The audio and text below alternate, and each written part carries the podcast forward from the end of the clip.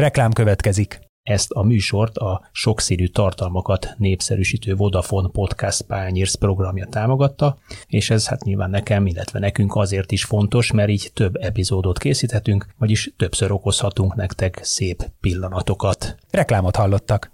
Nem pusztán arról van szó, hogy ő egy, egy, egy kiváló futball szakember, hanem, hanem egy olyan, olyan komplex személyiség, aki egy személyben, ugye ezt meg Mike Gordon mondta, az egyik tulajdonos és igazgatója Liverpoolnak, hogy bármelyik nemzetközi nagyvállalat vezérigazgatói posztját el tudná vállalni.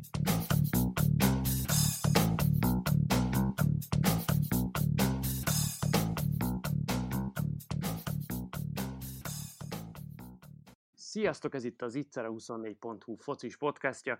Én Kele János vagyok, és itt van velem a szabadságra a visszatérő Kálnokik és Attila 24.hu főmunkatársa. Szia! Szia Jani, sziasztok, kedves hallgatók!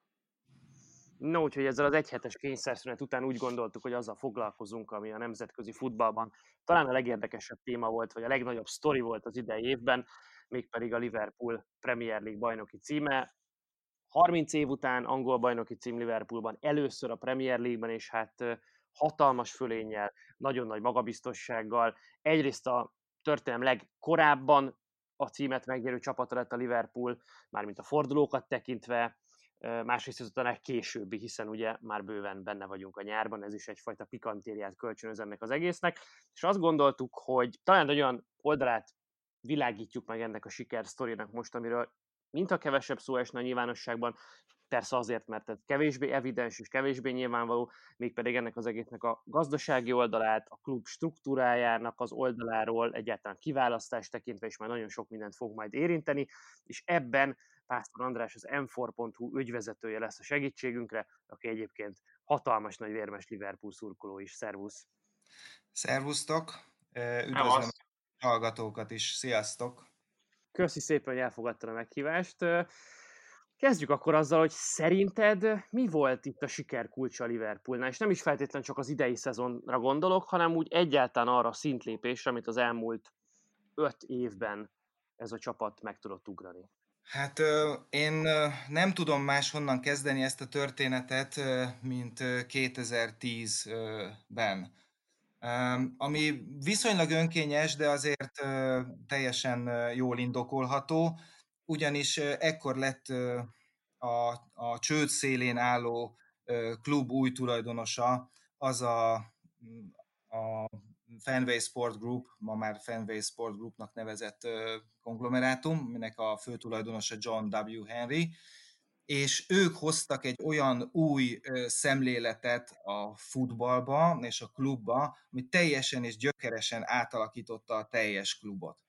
Ennek voltak természetesen buktatói, a személyek kiválasztásánál legyen ez szó a, az első sportdirektorról, Damien Comolliról, akinek egyébként óriási szerepe van abban, hogy a mai stáb Michael Edwards-tól Ian Grahamig aki a kutatási csoportnak a vezetője a Liverpoolnál, a, a klubnál dolgozik. Tehát voltak azért hibák bőven az elején, de az a fajta szemlélet, amely a, nem is csak az adatvezérelt gondolkodásra gondolok én itt, hanem a tudománynak, mint olyannak a beemelése és központi, központi elemmé tétele az, ami, ami őket jellemzi, és egy olyan innovatív, eredeti gondolkodással jelentkeztek, ami akkoriban meglehetősen szokatlan volt, és végig kísérte őket a, a, a nevetségesség, a, a vágya, vagy a, a, az aurája. Mindig léptek olyanokat, ugye ez a Moneyball stratégia, az elején természetesen ez is köznevetség tárgya volt, tehát innen kell kezdeni, és ez egy hosszú folyamat. Tehát, hogy a Liverpool, mint klub rettenetes állapotban volt 2010-ben, nem csak azért, mert a csőd szélén volt, hanem, hanem össze volt, egyáltalán nem volt felkészülve egy 21. századi működésre. Na most ez hosszú évekbe tellett, mire megtalálták a megfelelő struktúrát, bele a megfelelő embereket. És ennek a kirakósnak tulajdonképpen az utolsó része volt az, az utolsó eleme volt az, hogy, a, hogy Jürgen Kloppot meg tudtuk szerezni. És egyébként ez is egy olyan kiválasztási mechanizmuson alapult, amelynek voltak természetesen hagyományos elemei is, tehát a, a karaktert megnézni, hogy milyen szakmai múltal rendelkezik, hogy mennyire jó menedzser vagy edző, de hogy ezt már olyan módon is mérték, ami például a Dortmund utolsó évére vonatkozott, ami ugye közmegegyezés szerint ugye pocsékul sikerült, de a, a klub kutatási vezetője, Ian Graham, Michael Edwards-el karöltve, hát a számok mögé nézve azt látta, hogy gyakorlatilag a Bundesliga történetének második legbalszerencsésebb idényét tudta le a Dortmund. Tehát, hogy a, a teljesítmény mögötti mondjuk így hardcore mutatók, azok a második legjobb csapatnak mutatták még így is a Dortmundot. Tehát én azt gondolom, hogy, hogy, hogy, hogy Klopp érkezése tulajdonképpen egy utolsó láncszem volt ebben a, a, a történések sorozatában. És hát még sokat tudnék mesélni, de inkább kérdezzetek, és akkor lehet, hogy nem egy ilyen monológá fajul a történet. Én inkább arra, arra lennék kíváncsi, hogy, hogy volt egy picit korábbi időszak, ugye egy pár évvel korábbi, talán, ha jól emlékszem, 2007-es volt, ugye, amikor, amikor talán volt már egy tulajdonos váltás előtte.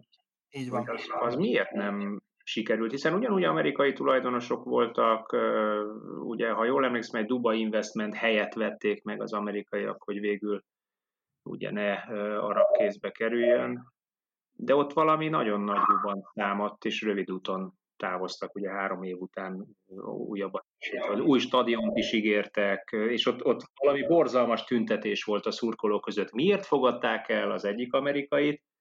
Konkrétan ez a kérdés, és miért hányták ki a másikat magukból? Így van. A Hicks és Gillet vásároltam 2007 Igen. egyébként helyi tulajdonostól, a, a klubot, aki ugye belátta, hogy, hogy ő már nem tud megfelelő környezetet teremteni a klubnak a továbbfejlődésre, és hát ez egy úgynevezett leveraged buyout volt, amit hitelből finanszíroztak az akkori amerikai tulajdonosok, és ami lehet, hogy működött is volna, mert pár évvel ezelőtt, ugye, ha jól emlékszem, a Glazer család nagyjából hasonló módon vásárolta meg a United-et is, de majd János kiavít, hogy, hogy ezt rosszul tudom, vagy sem. És, és ez tud működni, csak ebben a helyzetben, ugye ez 2007-ben volt a vásárlás, 2008-ban, 9-ben már jött is a pénzügyi válság. És már amikor megvásárolták a klubot, már akkor sem tudtak ilyen alapvető kérdésekre válaszolni, hogy tulajdonképpen miből is fogják finanszírozni a valóban beígért új stadiont. Tehát ezt ilyen elkenős válaszokat adtak, hogy hát ezt majd kitaláljuk később. Tehát ők nem nagyon, nem nagyon rendelkeztek egy olyan szilárd és átgondolt üzleti koncepcióval, hogy mit is akarnának kezdeni ezzel a klubbal, és ezt hogyan szeretnék megcsinálni. Aztán a a két tulajdonos között is elindult egy olyan egymás elleni háborúskodás, ami hát természetesen nem, nem tett jót a, a klubnak sem. Úgyhogy gyakorlatilag ez 2009-10-re már olyan szintet ért el, hogy, hogy már ugye az akkori menedzserünkkel, Rafa Benitezzel is nyílt színi üzengetésbe, sajtótájékoztatókon volt ugye egy ilyen nagyon híres, vagy hírhet sajtótájékoztatója Beniteznek, ahol kb. 24-szer mondta el, hogy hogy hát ő csak az első csapat edzéseivel kell, hogy foglalkozzon, mert hogy ezt a nyílt üzenetet kapta a tulajdonostól, hogy ő ne foglalkozzon az átigazolásokkal, meg a klub ügyeivel. Tehát akkor ott már látszott, hogy ez így ebben a formában nem fog tovább menni.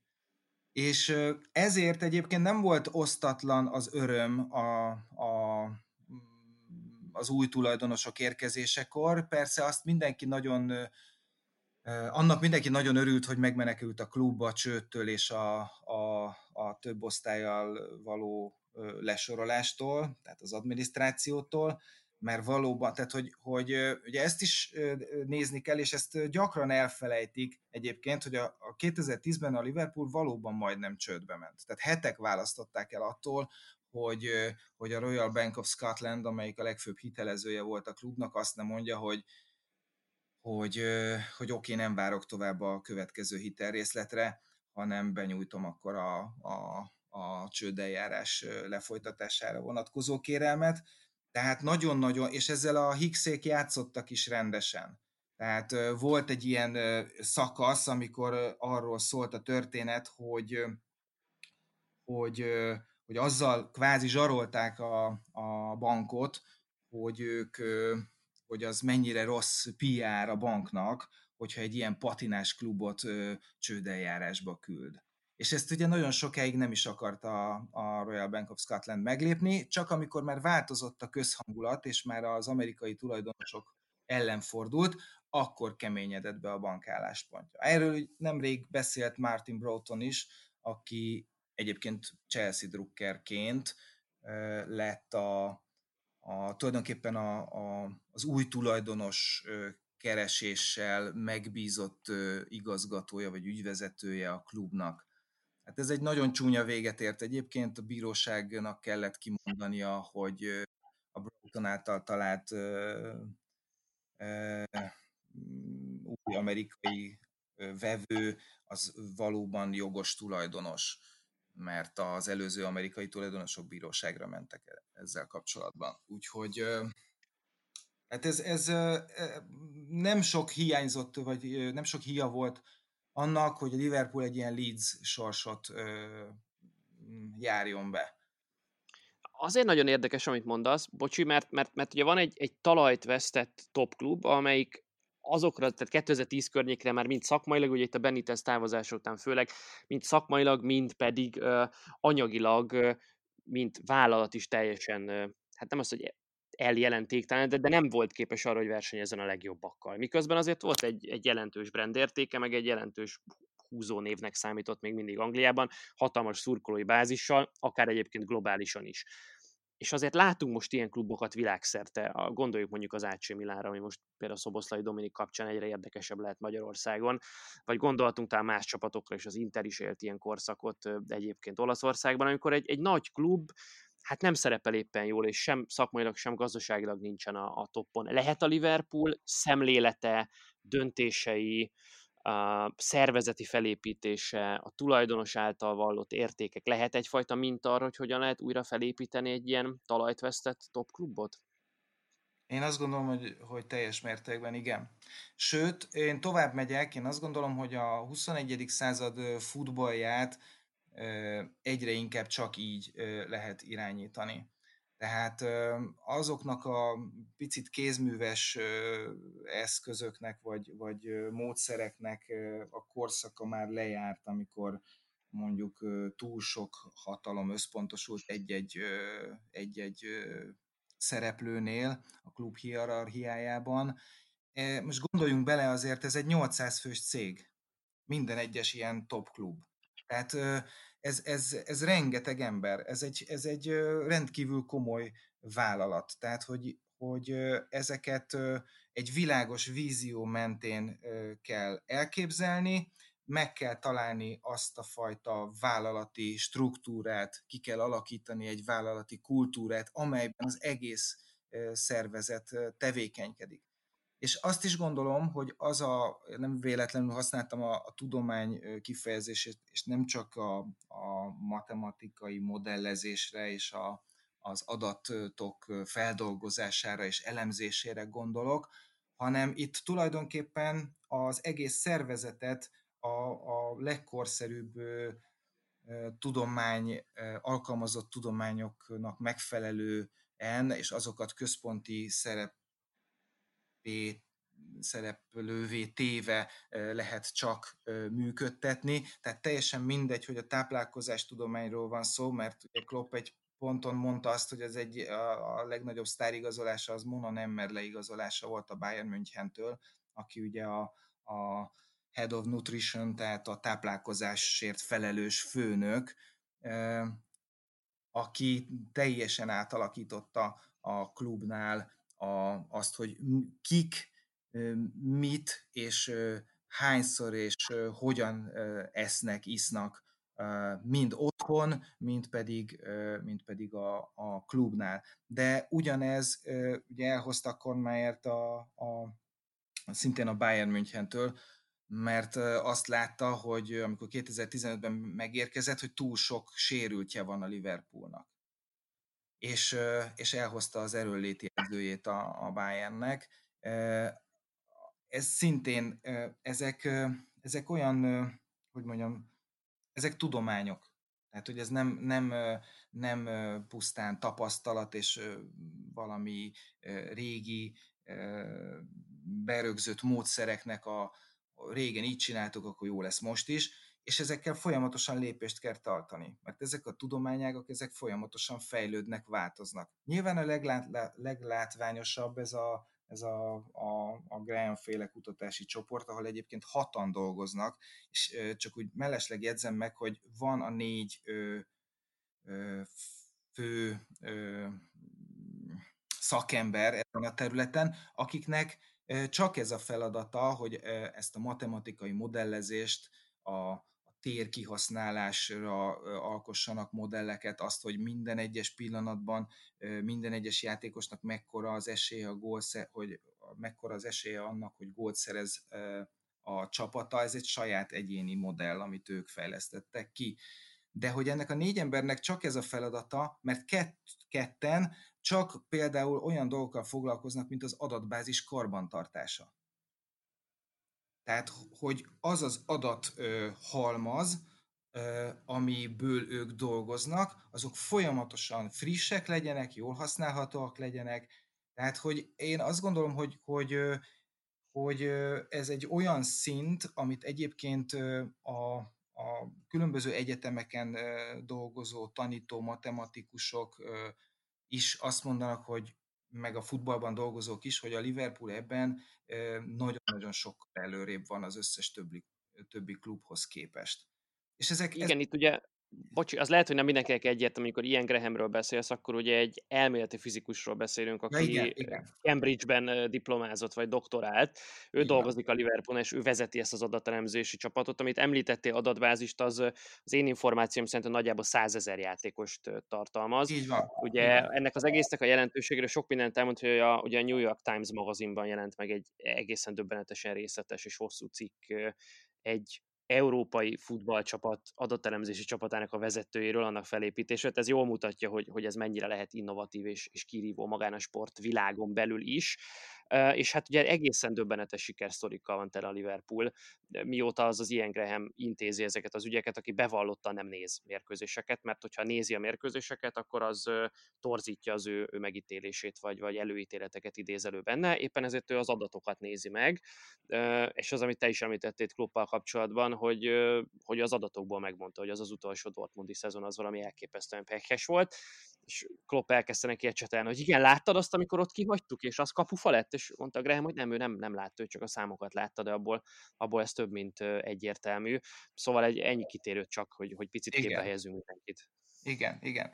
De hogy ez, ez tehát hogy a klub teljes működésére ez a jellemző, mert ugye az Atletiken is volt egy hatalmas cikk a, az Enfield gyepszőnyegének nem is tudom, hogy, hogyan kellene ezt nevezni, aki, aki karban tartja és, és vágja és nyírja és táplálja azt a füvet. És ez is ugye egy olyan dolog volt, amikor Klopp megérkezett, volt egy mérkőzés, amikor azt mondta, hogy túl száraz a fű, és akkor mindenki kiröhögte, hogy hát na, ne szórakozzunk már ilyen hülyeségekkel, hogy most akkor erre fogjuk a vereséget, vagy nem tudom micsoda, de hogy ö, valóban, tehát hogy van egy stílus a, a csapatnak, ez egy elég intenzív és nagy erőbedobással operáló stílus, gyors játékon alapul, amihez tehát az kell, hogy a labda minél gyorsabban menjen ezen a füvön. És ez a, most hirtelen nem jut eszembe ennek az úriembernek a neve, de róla is azt mondják, hogy mondjuk tíz évvel van a, a mondjuk ilyen mezőgazdasági, vagy nem tudom, egy kicsit gyalogosan fogalmazok, de hogy ezen a területen tíz évvel van a, a szakmája előtt. Tehát, hogy, hogy, és ezek a pici, és akkor ugye besz, az sokat beszéltek ugye a bedobás edzőről, Ronnemarkról, akit szintén a Liverpool alkalmazott először ilyen mélységben, de van pszichológusa is a csapatnak, sőt, ugye egy volt szörföst is alkalmaztak, aki a pánik helyzetekkel való megbirkózástról beszélt és tanította a játékosokat. Tehát, hogy ez a fajta szemlélet, és ez ugye ez nem elég az, hogy, hogy akkor, mert a Spursnél is volt, meg nagyon sok helyen is van adatelemző csoport, és ugye Graham is a, a, a Spursnél dolgozott, Edwards is a Spursnél dolgozott, de hogyha ez nem épül be szervesen egy klub életébe, maga ez az egész szemlélet, akkor ez nem tudja kifejteni a, azt a fajta átütő hatást, ami, ami, ami meg lehet egy, egy klubnál.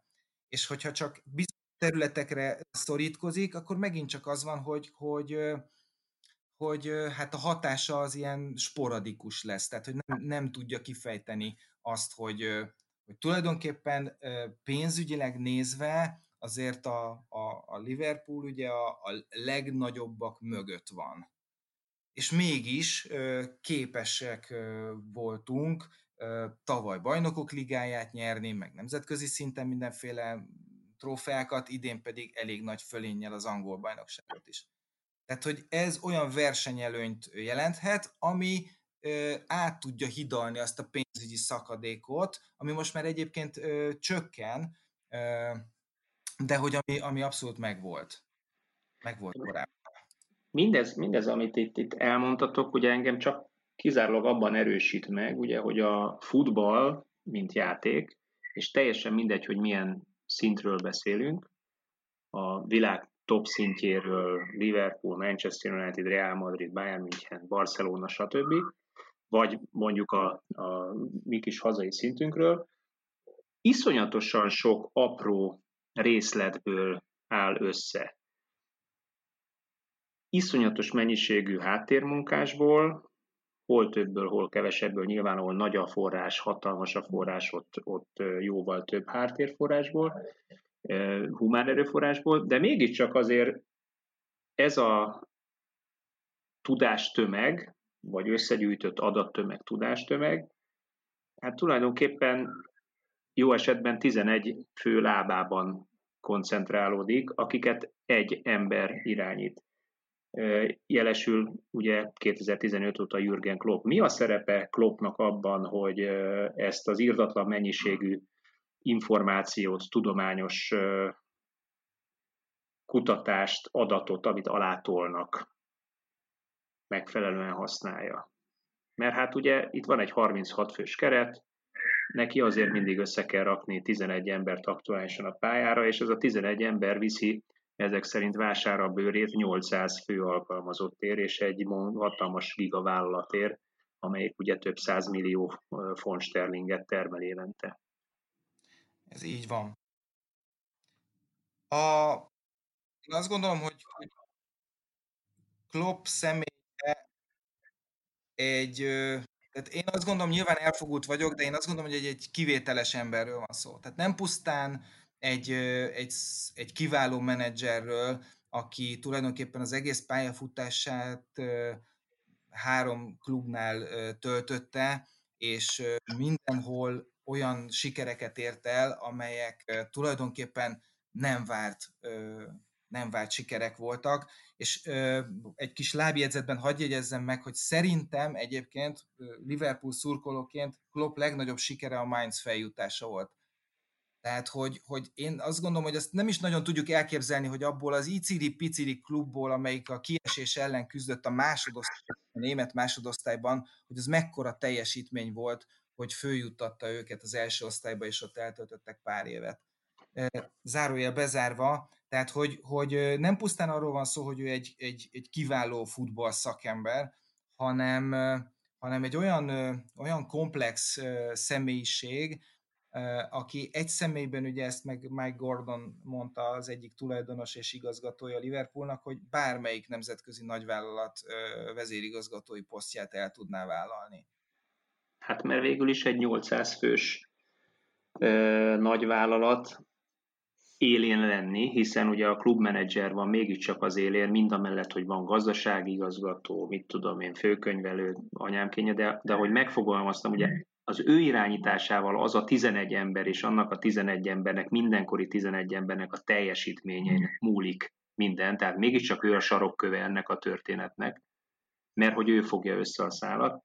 Hát, hogy, hogy, hogy egy emberen ekkora felelősség múlik, ez tényleg olyan, mint hogyha mondjuk a hasonlítok Bank of Scotlandnak a vezérigazgatója eh, lenne. Tehát ma már ezek szerint az kijelenthető, hogy a világ élfutbalában a, a, a menedzserek, azok lényegében olyan top menedzserek, akiknek többsége az élet más területén is meg kell, hogy állja a helyét.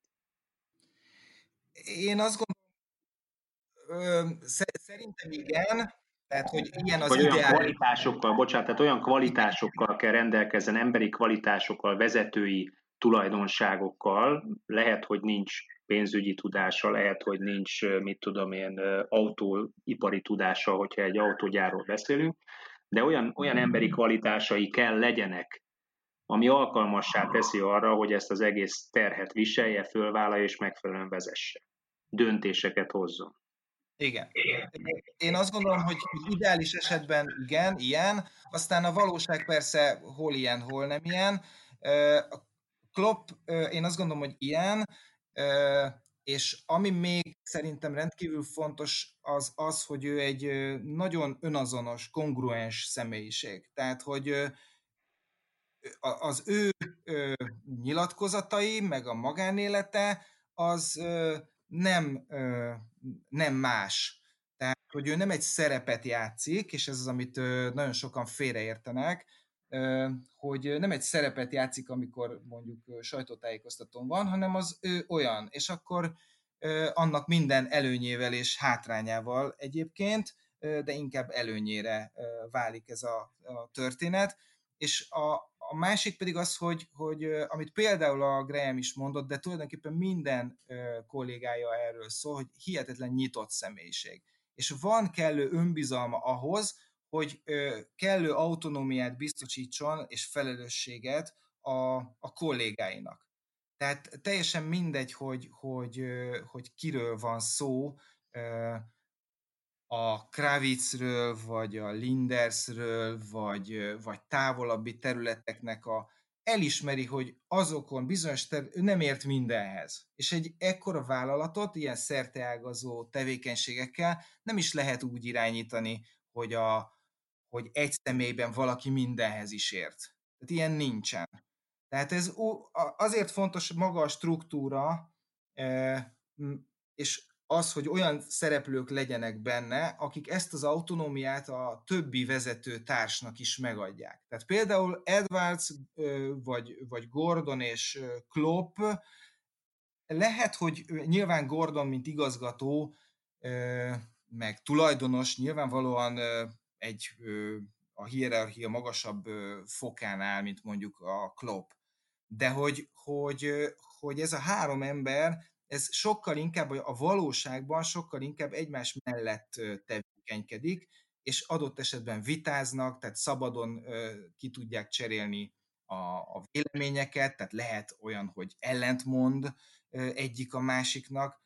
A legjobb példája ugye ennek pont a Salah megszerzése. Ugye Klopp Julian Brandtot szerette volna megszerezni, és akkor jött Edwards Grahamék munkájára alapozva, és mondta, hogy ne Brandtban gondolkodjunk, hanem hidd el, hogy itt van ez a Mo aki olyan statokat produkál, hogy nekünk rá van szüksége. És akkor a Klopp hallgatott rájuk, mert azt mondta, hogy olyan tudással rendelkeznek, és megbízik bennük, hogy azt mondta, hogy oké. Okay. A többi az már történelem, ugye, mondhatni.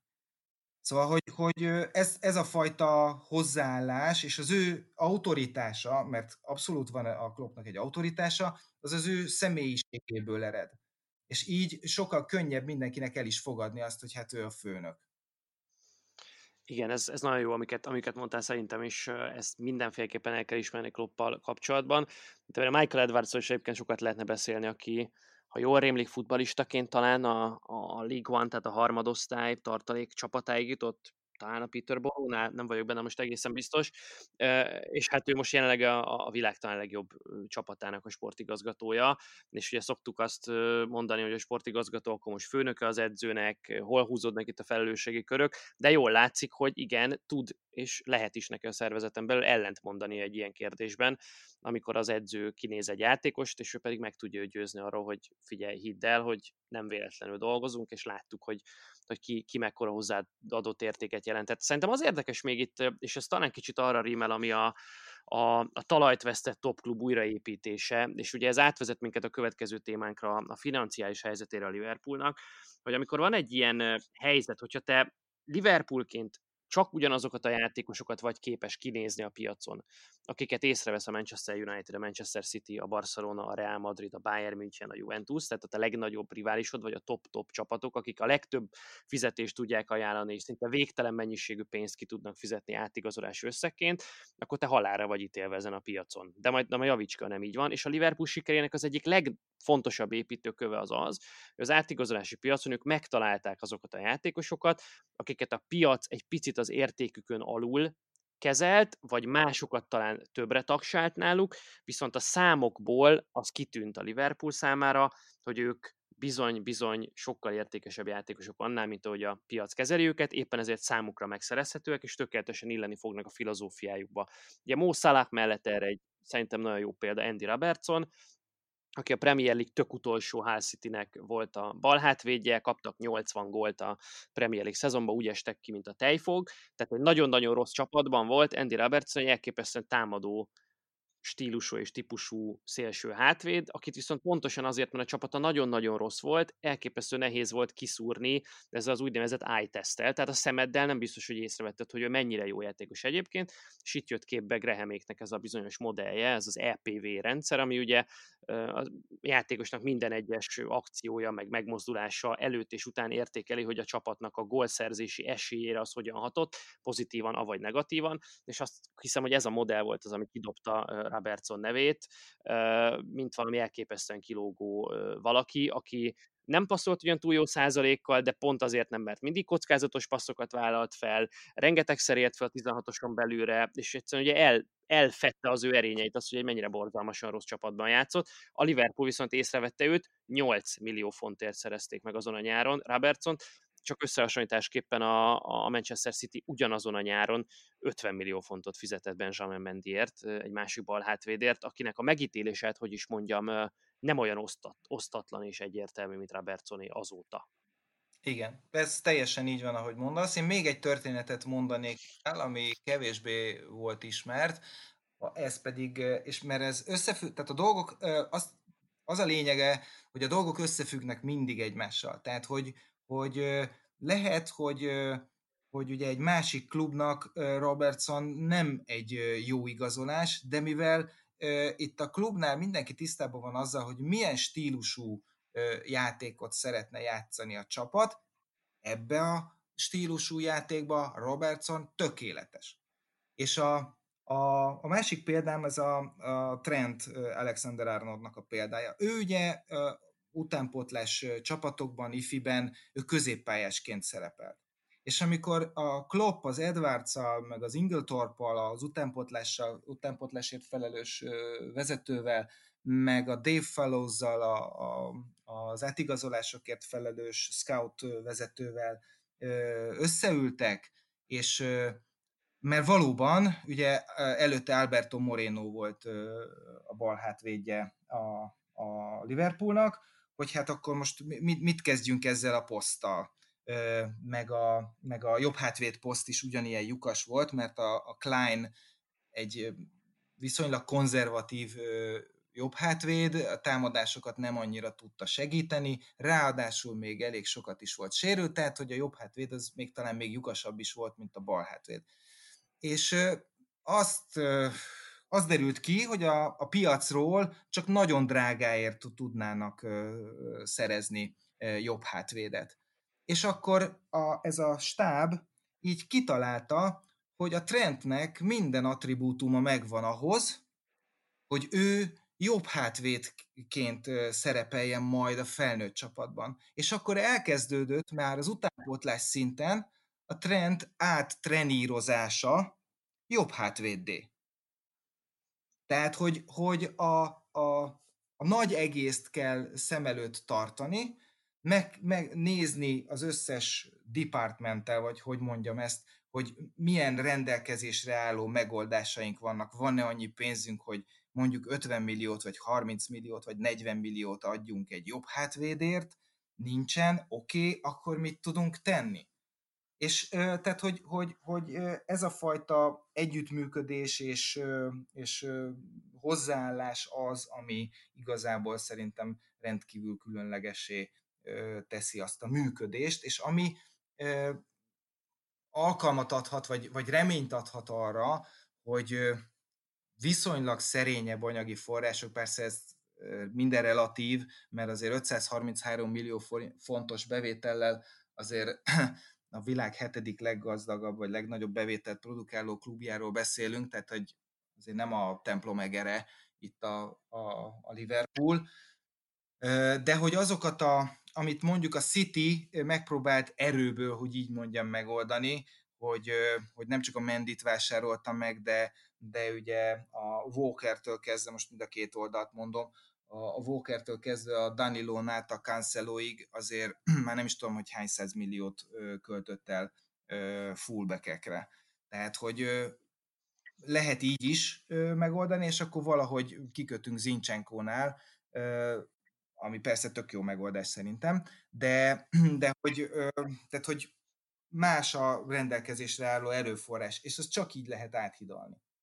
Az nagyon jó, hogy említetted ezt a, ezt a hetedik bevételt, hogy a Liverpool azért elég jelentősen jön fel az utóbbi évek alapján, a mutatott teljesítmény alapján, az elért sikerek alapján. Nyilván van egy, egy gazdasági szerkezetváltás is, tehát ezeket a sikereket a, a, a klubnak a gazdasági irányító részleg azért elég jól tudja átültetni fontmilliókba bevételi oldalon, mi történik akkor, hogyha mondjuk itt három-négy éven belül a Liverpool utoléri mondjuk a legnagyobbakat, bár ugye azért azt hozzáteszem, hogy itt a 800 millió eurós éves bevétele vannak az elején a, a, a Barca, Real Madrid, United féle klubok, tehát ott azért még van, egy, van, egy, van egy jó nagy gap, még Igen. hogyha a helyezés, az a hetedik, az nem is hangzik rosszul. Na mi történik, hogyha ez a felzárkózás mondjuk ugyanebben az ütemben megy tovább, az indikálhatja azt, hogy ebben a típusú gondolkodásban, amiről most itt hosszasan beszéltünk, változtatni kell.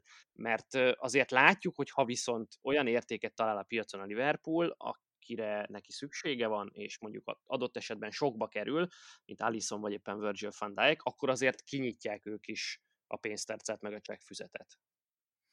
Igen, ez egyébként összevág a, a híres, hírhet Moneyball stratégiával, tehát hogy ezt már a, a Henryék a Red Sox-nál is alkalmazták, hogy igen, az alapvető stratégia az, hogy olyan rejtett tehetségekre bukkanjanak, akiket, akiknek nagy a, a resale value, tehát a továbbadási értéke, vagy továbbértékesítése az, az, az jó, de hogy, hogyha vannak lyukak, amikre költeni kell, akkor képesek, képesek letenni a nagy pénzt. Ugye ilyen volt Van Dijk és, és Allison is a piacon, és itt is ugye először próbáltak házon belül, ugye Mignolé is azért egy darabig ment, aztán jött Karius 4 millióért, és aztán láttuk a 2018-as BL döntőn, hogy ez így nem fog menni. Akkor viszont ki kell tenni a, a, a, a nagy pénzt. Tehát, hogy én azt gondolom, hogy nyilván nem lesz ez hibamentes, meg nem lesz, tehát ezt a fajta sikerrátát, ami gyakorlatilag ilyen 80-90 százalékos, már az átigazolási piacon, ezt nyilván nem lehet föntartani. Tehát, hogy ez, ez, ez vélhetően a következő években ez az átlaghoz fog visszaidomulni, ami ugye van egy úgynevezett Tomkins szabály, amit én sok-sok éve szoktam mondani, hogy általában az igazolások 40%-a az, ami sikeres szokott lenni. Tehát ezt, ezt tartósan 80-90%-on tartani szerintem nem lehetséges. Tehát, hogy itt, itt azért majd lesznek, lesznek fiaskók, de én azt gondolom, hogy, hogy, hogy, hogy ez egy olyan iparággá vált a futball, amelyben állandóan innoválni kell. Tehát És hogyha és ebből a szempontból én biztatónak látom a jövőt, mert a, a, a tulajdonostól eredően ez a szemlélet, ez benne van a, a klubban. És hogyha ha ez az innováció ez folyamatos és, és megtörténik, akkor, akkor én azt gondolom, hogy ha, ha a bevételek nőnek, akkor igazából csak még jobban tudunk járni. Tehát én most, én most elég bizakodóan látom a jövőt. Nyilván az lesz szerintem az egyik legnagyobb kérdés, hogy mi lesz, hogyha majd Klopp elmegy a klubtól. Mert ő azért egy, ahogy beszéltünk, ő azért egy olyan figurája a, a klubnak, a, aki nélkülözhetetlen ehhez a, ehhez a sikerhez.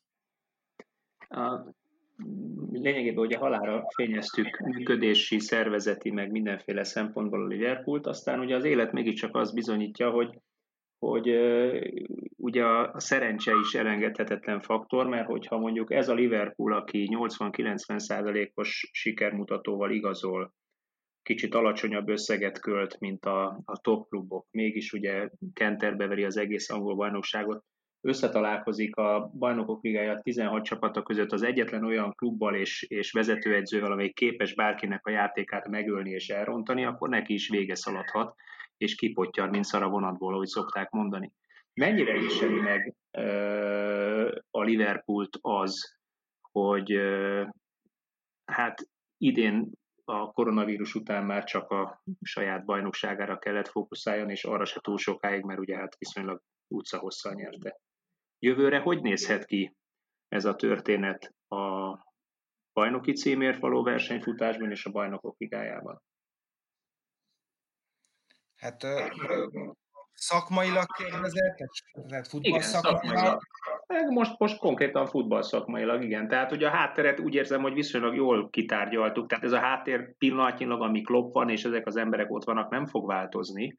Ugyanígy, ugyanilyen hatékonysággal dolgoznak majd, de ugye a futballnak és az innovációnak, amit mondasz, az is egy másik területe, hogy, hogy mindenki a Liverpoolt akarja megverni, és innen kezdve minden menedzser, minden csapat és más kutatóosztályok is azon fognak rugózni, hogy hogy találják meg a Liverpoolnak a gyenge pontját, és hol támadják be. Tehát egyre nagyobb ellenállás ellen kell menjen ugye ez a, ez a tím és ez a, ez a háttércsapat. Igen. Ez... Nem lehet -e ezt tartani, és ha igen, meddig? Milyen szinten? Én azt gondolom, hogy az elkövetkezendő egy-két-három évben mi versenyben tudunk lenni mind az angol bajnoki címért, mind pedig a bajnokok ligája elsőségért. Az, ez mindig is így volt egyébként, hogy az egyenes kieséses szakaszban mindig előfordulhatnak olyan mérkőzések, amikor mondjuk egy csap, csapat rossz napot fog ki, a másik pedig nagyon jót fog ki, hogy az egyik mindenbe megy, a másik meg semmi nem megy be. Tehát, hogyha más, tehát, hogy a tavalyi Barcelona elleni két meccsre gondolunk, ugye az egy, tehát, hogy az pontosan jól mutatja meg ezt. Az első meccset a Barca úgy nyerte 3-0-ra, hogy XG alapján az egy kiegyenlített meccs volt. A másodikat meg úgy nyertük 4-0-ra, hogy az is egy kiegyenlített meccs volt. Tehát, és, érte, és ezekkel nem, nem tudsz mit csinálni igazából. Tehát ez benne van a futballban. Ugye ez a, ez a másik szerintem, ami még nagyon fontos, hogy a futball azért egy, egy, egy alacsony gól, gól számot produkáló sport, ráadásul tök sokan játszák, és nagyon nagy benne a véletlennek a szerepe.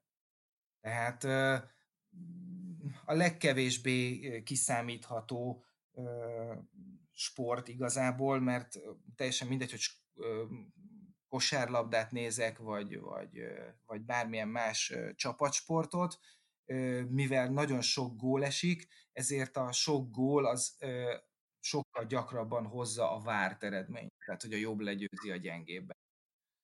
Azzal, hogy itt meccseket le, meg, meg lehet nyerni egy núra, úgy, hogy, hogy találsz egy gólt, vagy, vagy van egy jó akciód, és egyébként pedig minden mellé megy, vagy kivédesz, így, így bármi előfordulhat.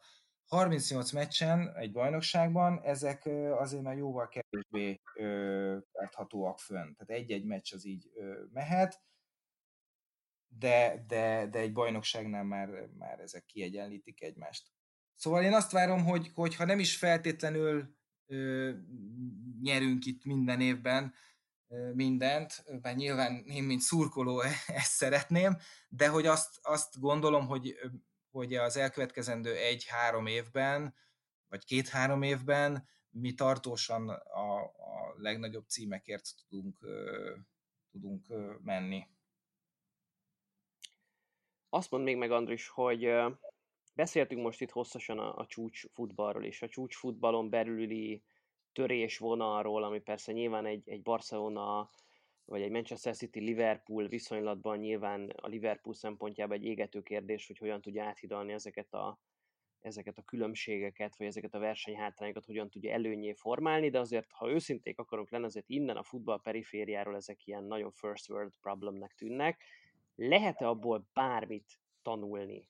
És ha igen, akkor micsodát? Ami, ami, ami a Liverpool sikerei mögött van. Mármint itt mondjuk Magyarországon, vagy bárhol a futball periférián. Szerintem abszolút lehetne, de itt Magyarországon nem fogunk. Tehát, hogy... Kicsiben nem lehet megvalósítani valami hasonlót? Nyilván a költségvetés óriási a különbség, de kicsiben valamit nem lehet ebből ellesni, hogy nem hat kutató ember csak egy, nem... De, abszolút, abszolút. Tehát én azt mondom, hogy, hogy a minta adott, és ezt mi is tudnánk alkalmazni, és Magyarországon is ö, szerintem óriási eredményeket lehetne elérni, csak ehhez, tehát ugye nem elég az, hogyha vannak most már képzett adatelemző, videóelemző ö, szakemberek, a magyar kluboknál. Nem tudom, hogy így van-e, mert én a magyar futballban nem nagyon vagyok otthon, ezt ti jobban, jobban látjátok, de hogy a, a, a, az anyagi része a történetnek, mondjuk a Liverpool esetében mondjuk azt, hogy, hogy mondjuk egy Graham keres mondjuk 200 ezer fontot egy évben. Szerintem nem keres annyit, de mondjuk legyen 200 ezer font hol van ez ahhoz a, a focista fizetésekhez képest, ahol mondjuk egy Van egy hét alatt megkeresi ezt. Tehát, hogy, hogy de ez nem csak azon múlik, hogy van-e e, e, ilyen szakember, és hogy ő ott van-e egy klubnál, hanem azt próbáltam mondani, hogy ezt e, felülről lefelé kellene, hogy hasson ez az egész szemlélet. És ezt nem látom. Tehát én nem látom azt, hogy a magyar kluboknál, a Magyar Labdarúgó Szövetségben ez a fajta szemlélet áthatná az ő működésüket. Márpedig enélkül nem lehet fölépíteni egy szervezetet, se MLS-t, se egy klubot, hogy, hogy ezt, a, ezt stratégiailag ne gondolt központi jelentőségűnek. A, az az igazság egyébként, bocs, hogy közbevágok, hogy, hogy kicsit talán jobban ismerem a magyar focit, az MLS-nek egyébként vannak ilyen törekvései, tehát a most kinevezett, frissen kinevezett sportigazgató egy-két hónapja Barci Robert, ugye nyolc divízióért felel, van egy külön tudomány, futballtudomány divízió, ugye, ami eddig nem volt, tehát ezt most hozták létre, az MLS az, az próbál irányt mutatni a kluboknak, Más kérdés, ugye, hogy maga Csányi elnök úr is azt nyilatkozta a 2019-es közgyűlés, hogy mintha a klub tulajdonosok ostobák lennének, és nem vennék figyelembe a labdarúgó világ fejlődését, vagy azokat a racionális döntéshozatalokat, ami egyébként itt Magyarországon is meg kellene, hogy legyen. Tehát tulajdonképpen a, a tudás, én azt gondolom, hogy itt van, mi is látjuk, mi is erről beszélgetünk, elérhető ez a tudás, senki sem titkolózik.